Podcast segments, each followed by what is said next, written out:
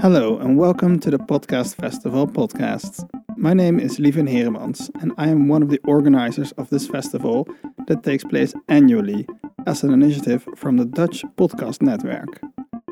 The 2020 edition was the third edition, and for the first time the program included a conference day. In this podcast feed, we will publish a selection of the sessions from the conference. This episode contains the session How to Start from Scratch, which features a conversation with Renay Richardson, founder of Broccoli Content in the UK, and Nalika Radway from Domino Sounds, who are from the US. It was part of the Claiming Space track, which was co curated by Domino Sounds.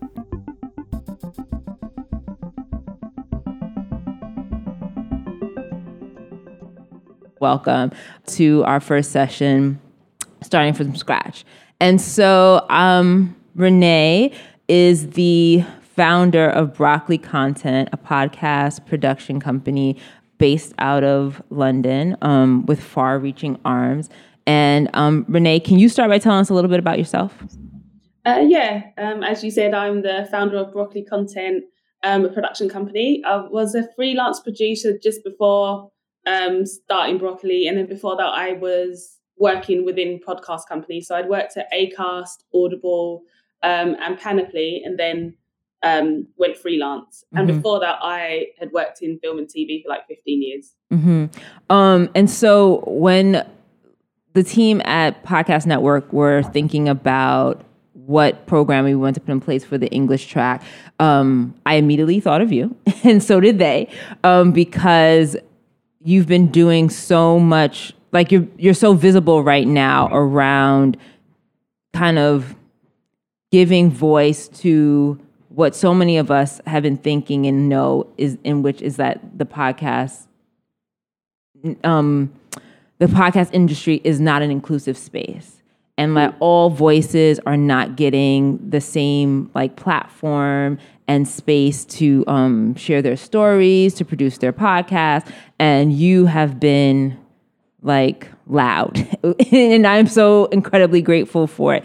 And so we've had a lot of conversations about many things one particular being why and how we've both decided to start our own podcast production companies. And so i kind of wanted to start a little bit about with sharing what you what were your like experiences before starting your your company yourself? So like how did you get into podcasting? Okay so yeah so i worked um 15 years ish in tv that included um working at a talent agent well three talent agencies for like around eight or nine years. Mm. um then i worked in production companies and then worked in production. Um obviously the tv Sorry, my dog is going to start making noise now. It's okay. He, it's okay. It's all right. Put his ball under the door. it's all right. It's all right. um, but um, TV and film is really bad. It's not diverse. Everyone knows, and it's something that's spoken about a lot. Mm-hmm. Um, when I got into audio, um, it happened by someone I used to work with. Her husband was um, one of the um, core team setting up Acast, and she wanted me to um, send out the job description for a content manager. Mm-hmm. And when I read it, I thought it sounded really interesting and whether I could interview for it. So I went and interviewed for it, and then I got the job. Um, when I got into audio, I just realized how way behind um, it, it was compared to um, the what I'd been working in before, which is film and TV. Wow. Um, film and TV is, and I'm not going to say um, it's not bad because it is. I was mm. always pretty much the whole time I worked in a talent agency, apart from one, I was always the black one. Mm-hmm. Um, I was always at the definitely at the production companies. I was the black person.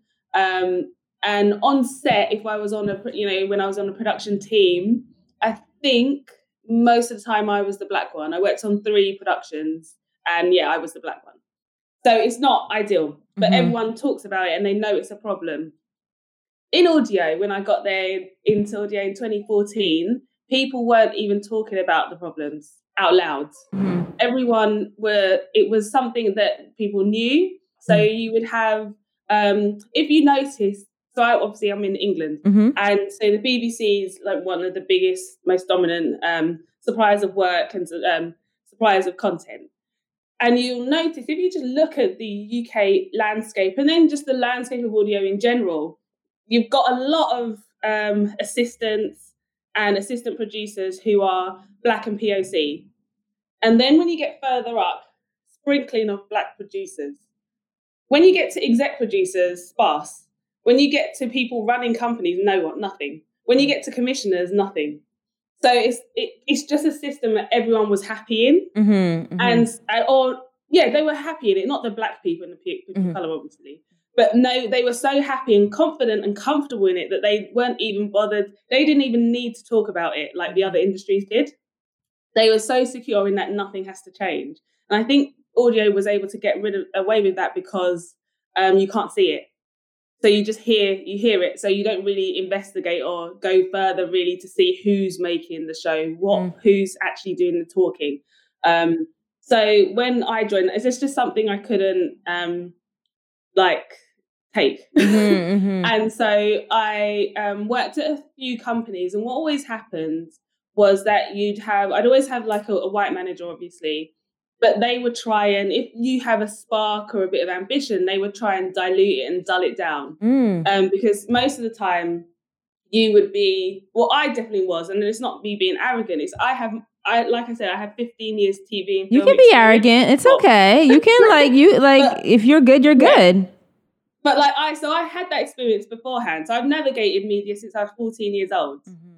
So i'm coming into um, audio and i would just have uh, like a, a guy who was my boss who has done audio and worked in one place or you know he's good in the room and they would be my bosses. And so then i would it would always we would always clash because i would outgrow you as my boss within like two months and it's funny because when i started after my last job at panoply i said i'm never working for a company again Mm. and I, and I and that's why I started broccoli. Mhm. And it's funny, all of my audio bosses either aren't in their jobs or I did outgrow them. Mm. Mm. So it's like th- this is what audio is. It kind of it um audio currently the way the current structure is it doesn't want you to be ambitious. It wants to Mhm. keep you in your place, Mhm. especially if you're a black person. Mhm. So that's why I wanted to start my own company Mhm. and not have to deal with that. I think we all get to it. Um, this kind of realizing that the system doesn't work for what we're trying to do. I think as Black women, we got there around understanding how oppression was working towards us. But I imagine different people in this space and different people watching. There's different. There's uh, numerous reasons why you recognize that the way the system works is not going to allow you to tell the stories in the way that you want to tell the stories or how to support the diversity of people and story because like it almost there seems like there are more podcasts than you could possibly count but somehow they're not that different. You know like somehow it's still in a box even though they're just there's just like a formula that we keep um following and there's a reason because the people at the top are the same people no matter how many different podcasters no matter how many different producers when you get to the top the vision of what it's supposed to be is the same. Um and so we kind of keep getting very similar things. And so tell us when you came to this you decided i need to do my own thing.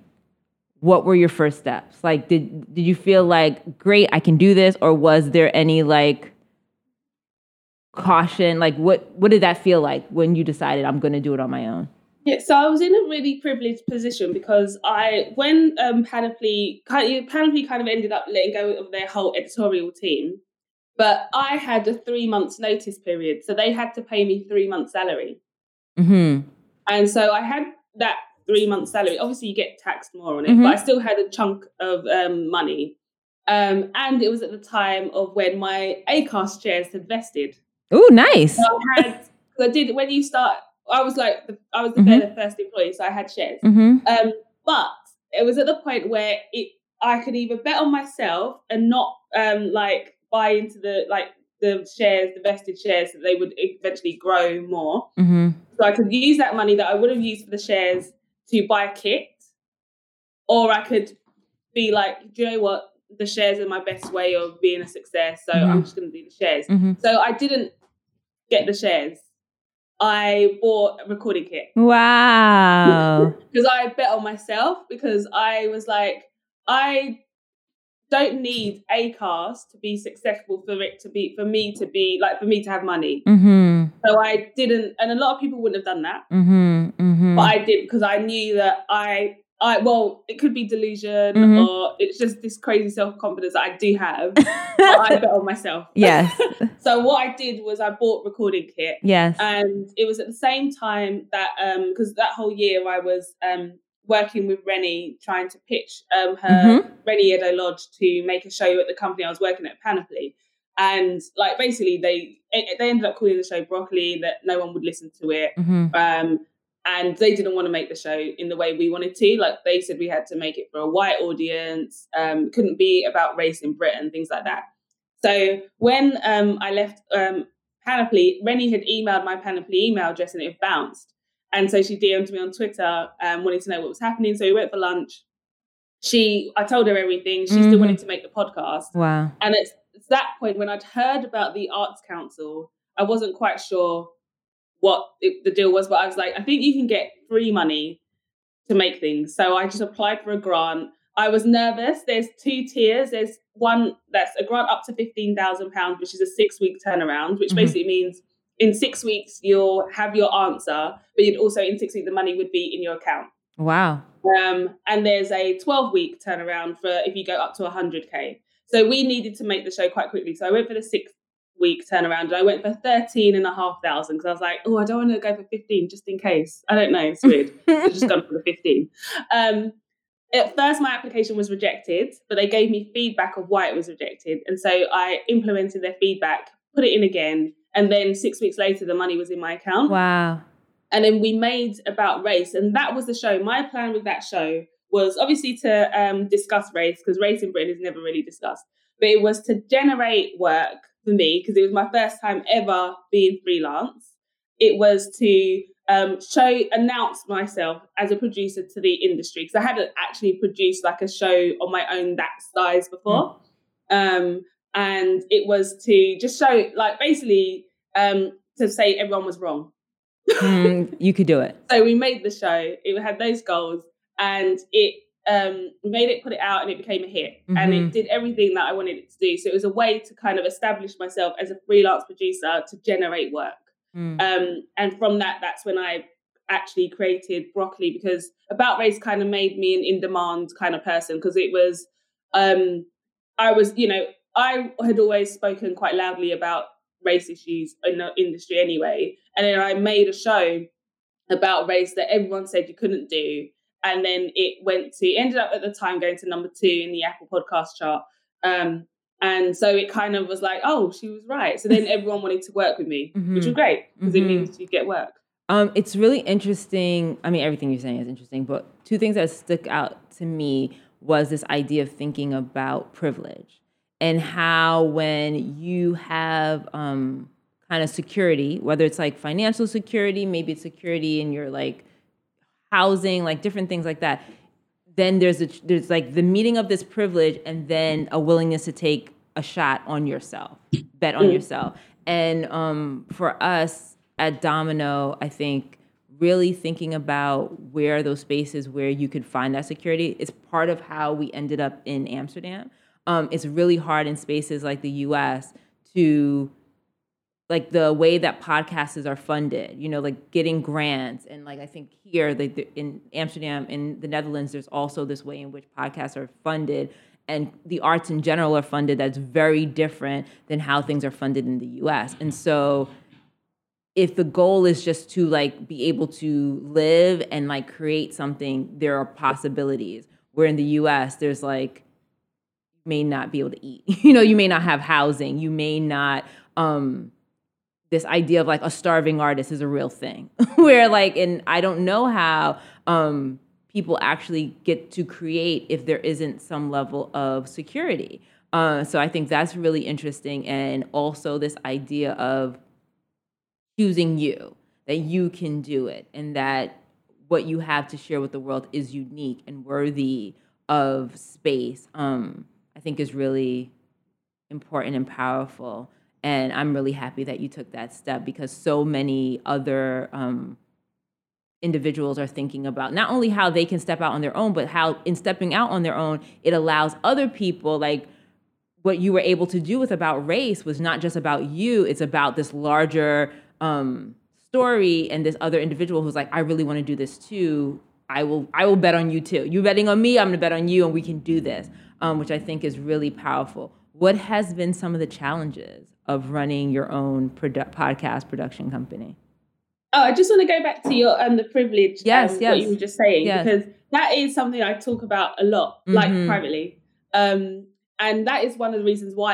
I am vocal yeah because I know that here, um, say I lo- lose my job, I know I've still got the NHS, yes so I can Yeah. still get medical care. I can, Mhm. I still, um, you know, there's there there there's a safety net within.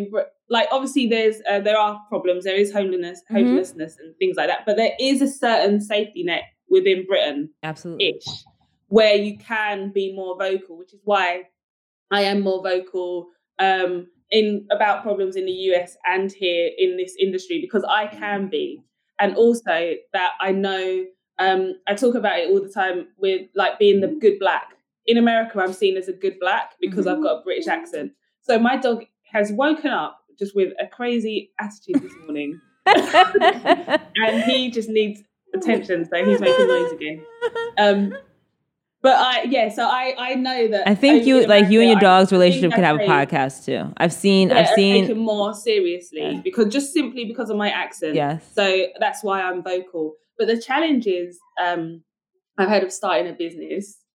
Is well just when you say when you've got a show and you've employed someone mm-hmm. um to work on that with you, or like when I was before like the Sony JV, it's you've got to um yeah make sure you can pay them. Mm-hmm. And one of the things we had quite a difficult production. One we got commissioned. So in the UK, if you want to make shows for the BBC, you have to become a limited company, which was one of the reasons I did it so early on, Mm-hmm. um, because it's not actually financially right. Like makes it doesn't make financial sense to become a limited company before your turnover is that big. But it's the only way you can make content for the BBC, which then would help you get. What does that mean to be a limited company? Um, a limited company just means it's got it's got I don't Like nonprofit? know, but you so in the UK you can be a sole trader, Okay. which is just me and I just do my taxes myself. okay. Um, I think here it's called like a freelancer. Sometimes, yeah. Yeah, so like Mhm. a normal freelancer. Mhm, Yeah. Um, or you can be a limited company. So you, there's all incorporation tax. There's um, Mhm. certain business taxes that go on top of the things you do. It's more you pay yourself a salary Got it. um, out of the um, and then you can get dividends mm-hmm. um, and that kind of thing. But I, I got an accountant for that. um, but that's the only way you can become a supplier for the BBC. So I Oh, interesting. limited company. what is that about? Um, I'm I'm not entirely sure, but there are if some, something went wrong, if you're working with people and say something happened to them and they Mhm. sued you, they're suing the company rather than you. Mm-hmm. So I think it must be to do with the BBC kind of limiting the liability Yeah. from the person to a company. Got it. But that's just one of their rules. Got it. Um, it has it. led to less suppliers being able to um, work with them. and it makes it exactly what you're speaking about at the beginning of it that kind of what is available how many uh, different people that can be part of Yeah. because i imagine there's cost and Yeah. there's a different kind of like risk involved in becoming a corporation in that way right Yeah. yeah for sure Yeah, if you don't make, there's a certain threshold, but if you're under the threshold, you end up you're paying more Mhm. money to have this limited company. So a lot of people don't do it. Yeah. which is why um, it's there's limited opportunities for Mhm. certain people for certain people in working with the BBC. It's But so crazy it- how many ways the system is set up Mm. to protect, like to protect itself in ways that keep other, like most People people, out. out. Yeah, exactly that. Yeah, Exactly. mhm. Um, because it, it doesn't make sense financially um, unless you've got um, unless you get a big commission, which Mhm, then it mhm. would, but you, you're not guaranteed a commission, um, which is the point. Um, but we did get one. But what ended up happening was it was meant to be, say, from April to September. But the BBC ended up taking so long with their notes that it ended up being April to January. But we had budgeted, and what was commissioned was the money for April to September. So when things like that happen, you've got to think, how do you continue to pay the person? And so that was one of my one of our big challenges. Yeah. But luckily, it had coincided with the Sony um, JV Mhm. deal, so we ended up having money um, come in in the September. But really, if if I was hadn't done that JV deal, that BBC production could have ended us basically Wow. because of their delays. Nothing Yeah. to do with us. Yeah, yeah. Did you imagine? I mean, it's so interesting because when you're a producer, it's like there's an art, there's like a creative artist aspect to it. But what you're speaking about in like making deals and making sure that the money works and paying people, um, the level of responsibility and running your own um, company is like a different skill set. You know what I mean? It's a different um, and it takes time. Like it, it's a it takes time to write those grants. It takes time to um, manage employees. It takes time to do this other part of holding it. And so, did you ex- did you anticipate that? I kind of I had been an agent's assistant for a good nine years. Okay, okay, When you're in an agent's assistant, you deal with contracts, uh huh. you deal with chasing money, invoicing, um, and scheduling. Yes. So luckily, and then I was an executive assistant as well at a production company. Um, so luckily, I had a strong admin base. Mm-hmm. Um, so those things weren't really a problem. And I always think, like when I started Broccoli, I got a, an accountant straight away. Mhm. Before I even incorporated it, I uh, I consulted an accountant and told him my plans, and then he told me the best way to go about what I my accounting basically. Um, but I wanted to make sure my goal was um, to scale, be able to scale quickly. I didn't know what was going to happen, Mm-hmm. so I wanted to have all of the admin stuff in place um, beforehand because if someone comes around and they've got loads of money and they want to invest, I should be able to present whatever they need straight away. So I just because I've been an, like an assist, Mhm. assistant for years, Mm-hmm. I just had that admin part in place. mm-hmm. But it is a responsibility and it's something that i, I think about constantly mm-hmm. um, because you know there's not many black um, business owners in this area Mhm. that do it full time, Mhm. that employ people full time. Mm-hmm. And I know that because we are black, there are le- less opportunities for us. Mm-hmm. Um, with people either wanting to highlight us or just wanting to work with us. Um, so I'm constantly thinking of how do I make sure that broccoli lasts? Mm-hmm. Because also um, we've got a recession coming, Mm-hmm. and um, and also if like my JV fails with Sony, I know that that will affect black people in general Mm-hmm. they will like not Sony necessarily, but the industry will use it as an excuse to not fund other black people. mm-hmm. So I'm constantly thinking about that. I cannot afford to fail. That's And a so- lot, Renay. That's a that's a that's a lot. That's a lot. But I can't. I can't hear you. I hear you. It is when you stick Yeah. your head above water as a black person. Yeah. Like you can't afford to fail because Mhm. people use that against you. mm-hmm. And so I'm constantly thinking about that. So I'm constantly thinking, who am I working with? Are they up to like us? Because I know, as obviously as a Yeah. black person, you've got to work twice as hard for half as much. So are they working twice as hard? Mm-hmm. And like, what are they doing to support us? Because I cannot be let down by Mhm. people I work with Mm-hmm. Mm-hmm. because I have all of that other stuff to think about. mm-hmm. Mm-hmm. So that is that's one of the challenges. But it is it's it's just a fact of being alive and black. I know it's like it's not it's not it's, like, it's every day. It's not it's not anything Yeah. particular to podcasting. Um, is there anything that you know now after? Well, how long has broccoli content been? Uh, it's two years and three months. Whoa, that's that's that's that's that's that's it. That's legit. That's that's. Is there anything that you know now, two years and three months in, that you wish you knew before? Um, I think it's just to because I'm still learning. Nothing Yeah. has come up yet Okay. that hasn't surprised me. I think keep your eyes open Mm-hmm. Mm-hmm. Mm-hmm. mm-hmm. is the um, best way to, um, I would say. A lot of people um, take things personally, mm-hmm. and um, I, I just care about work. Like we're not here in in business, and mm-hmm. I always say this when I was at ACAST. It's business when it's not like friendship. I'm I can be your friend separately, but when I'm talking to you, I'm talking to you about work. So it's like people take things um, so personally, and it's I I that's something I find hard to navigate because I'm not necessarily a sugarcoat type of person. Mm-hmm. Um, so that's just something I don't. I, don't I was getting that impression from you. I was get. I was. I was. I was getting that impression. I was getting yeah, that. That was like, clear. That was clear. I, so I, I, honestly, that's something like I just don't know how to deal with mm-hmm. when people just take when I'm trying to talk about work mm-hmm. and they're taking it personally. I'm just I don't know. So that's something I would just be aware of mm-hmm. um, from the beginning mm-hmm. of mm-hmm. who you work with, and just make sure any deals you do, anything you do, make sure you get every single part of it mm-hmm. outlined. Mm-hmm. Mm-hmm. Including exactly who you're working with. These are gems. These are this is all very important stuff. I think something you said earlier is really important and makes me think about um, how you start in the, this team and knowing where mm. your strengths are and like where you need support. I think like at Domino, we're you know a team with different skill sets that we get to bring together. And this, I like before I got into podcasting, I ran a school. I'm an educator by trade. But in doing that work, it translates pretty well to much of what I do.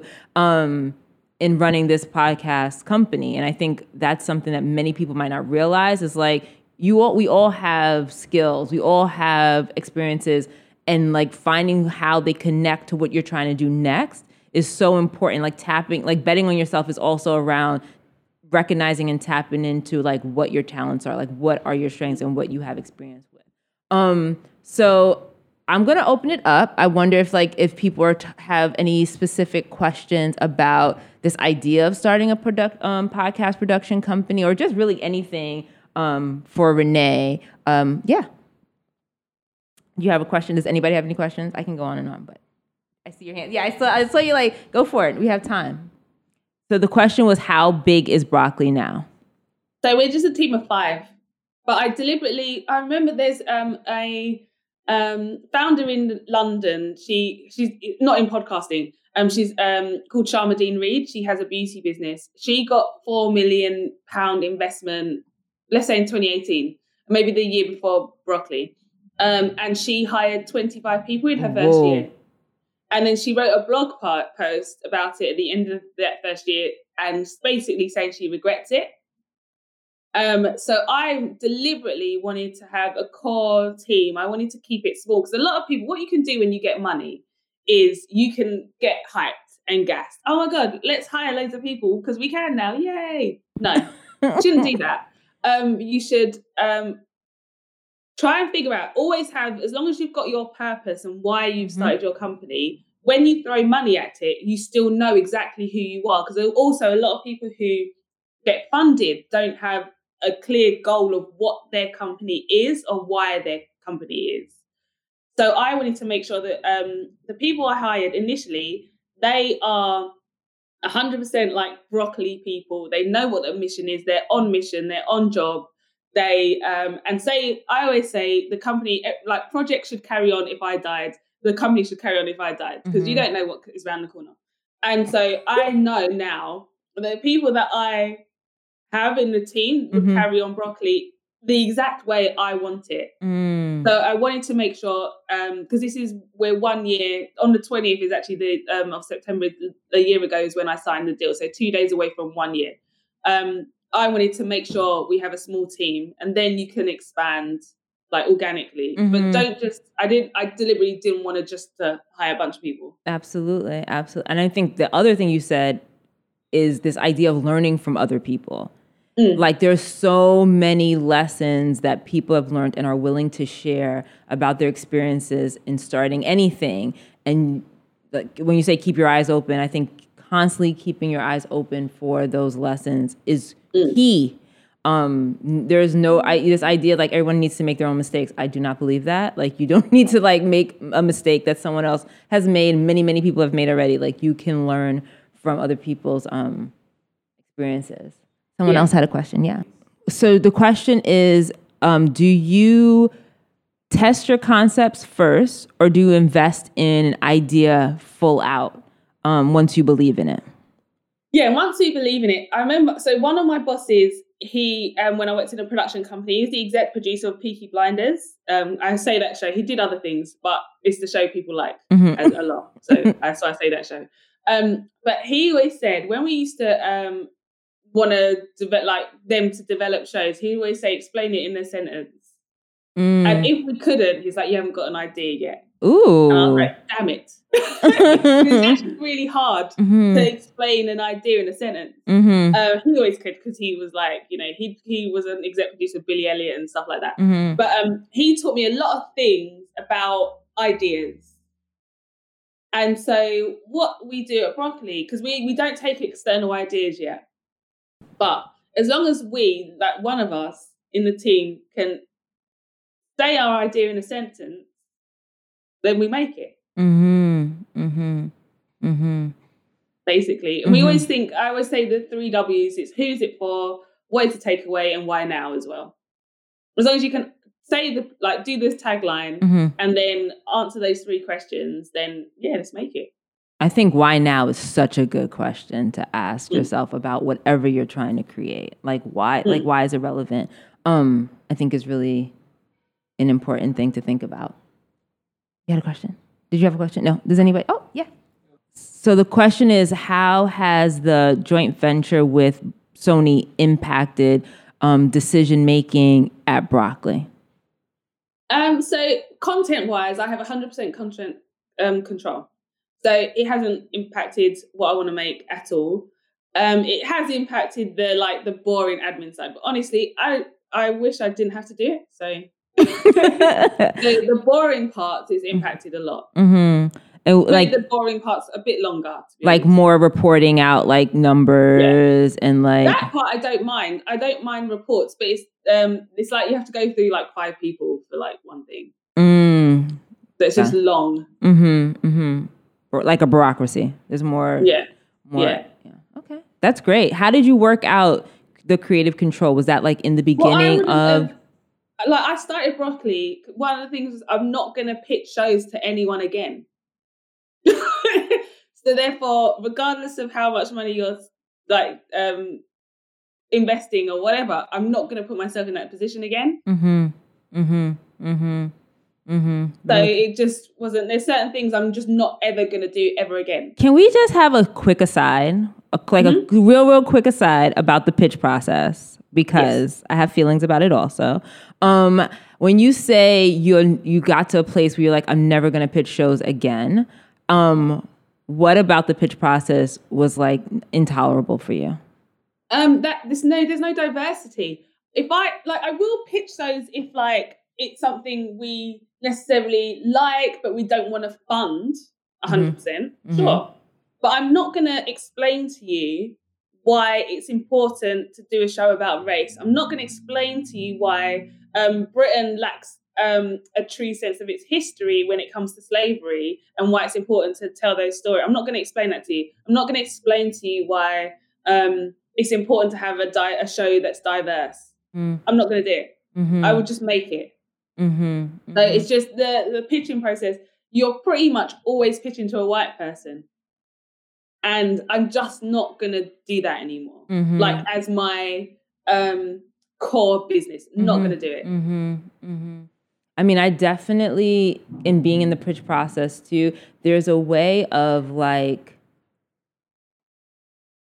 there's a secrecy to it of like why, like what, what, what's, well, how are you making decisions? You know, like what are you? To, something I really appreciate appreciate about being in the Netherlands is that like there's a lot of clarity about how you get from point A to point B there's only one way sometimes, not like a lot of options, but it's clear about how you can do it. Where in the US, and I imagine it- it's like there's 10 you, you ask somebody like how did you get here? How did you get this apartment? How did you get this job? How did and there's always like well i can't really tell you. You're like i couldn't I, you can't repeat what i did. Like i can't explain to you how it happened. And i feel like a lot of the pitch process is like that around like But I even so we've got this event um, coming up on the 29th of September about um, how to get your podcast funded by the Arts Council. Oh, nice.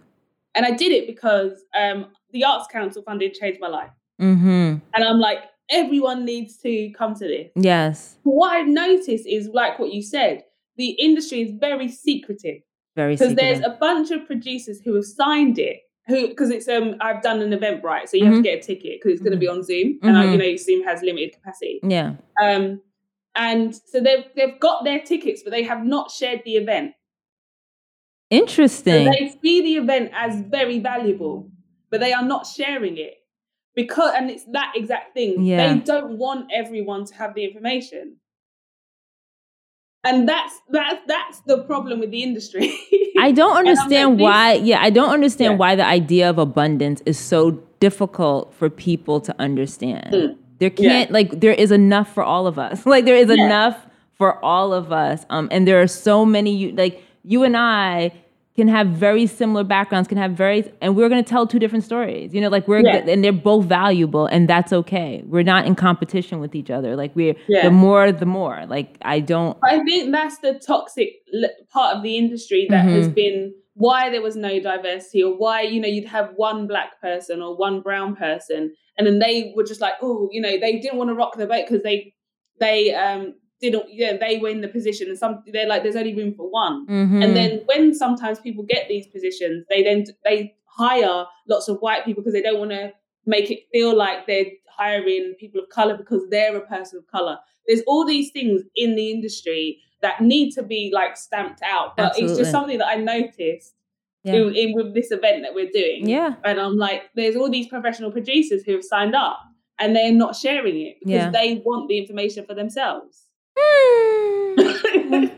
um, Renay, is there anything else you want to share with us? Um, I would just say if you learn something, if you um, if something's benefited you, share it. Yes, absolutely. share the information. absolutely.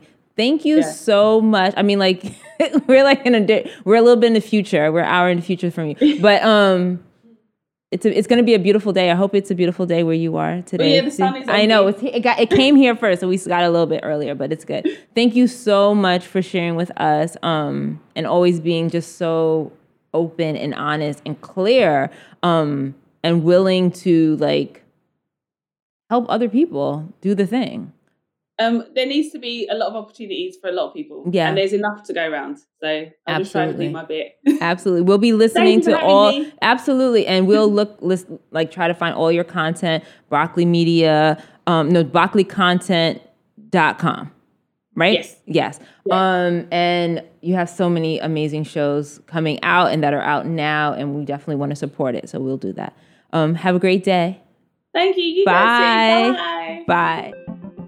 The Podcast Festival 2020 is an initiative from the Dutch Podcast Network and made possible by the Creative Industries Fund NL, the Democracy and Media Foundation, the Dutch Journalism Fund, the Dutch National Fund for the Visually Impaired, and the Dutch Catholic Fund for the Visually Impaired, the Dutch Institute for Sound and Vision, Hindenburg, Topcast Media and in cooperation with Tolhuistuin, Domino Sound, Potgrond, Wintertuin de Nieuwe Oost, Radio Dakhaas, One World Magazine, VPRO Gids, Podnews, Dag en Nacht Media, Women Inc. and Riverside.fm. The tune was programmed by Hai Krane. Go to podcastfestival.nl to listen back to more sessions from the festival.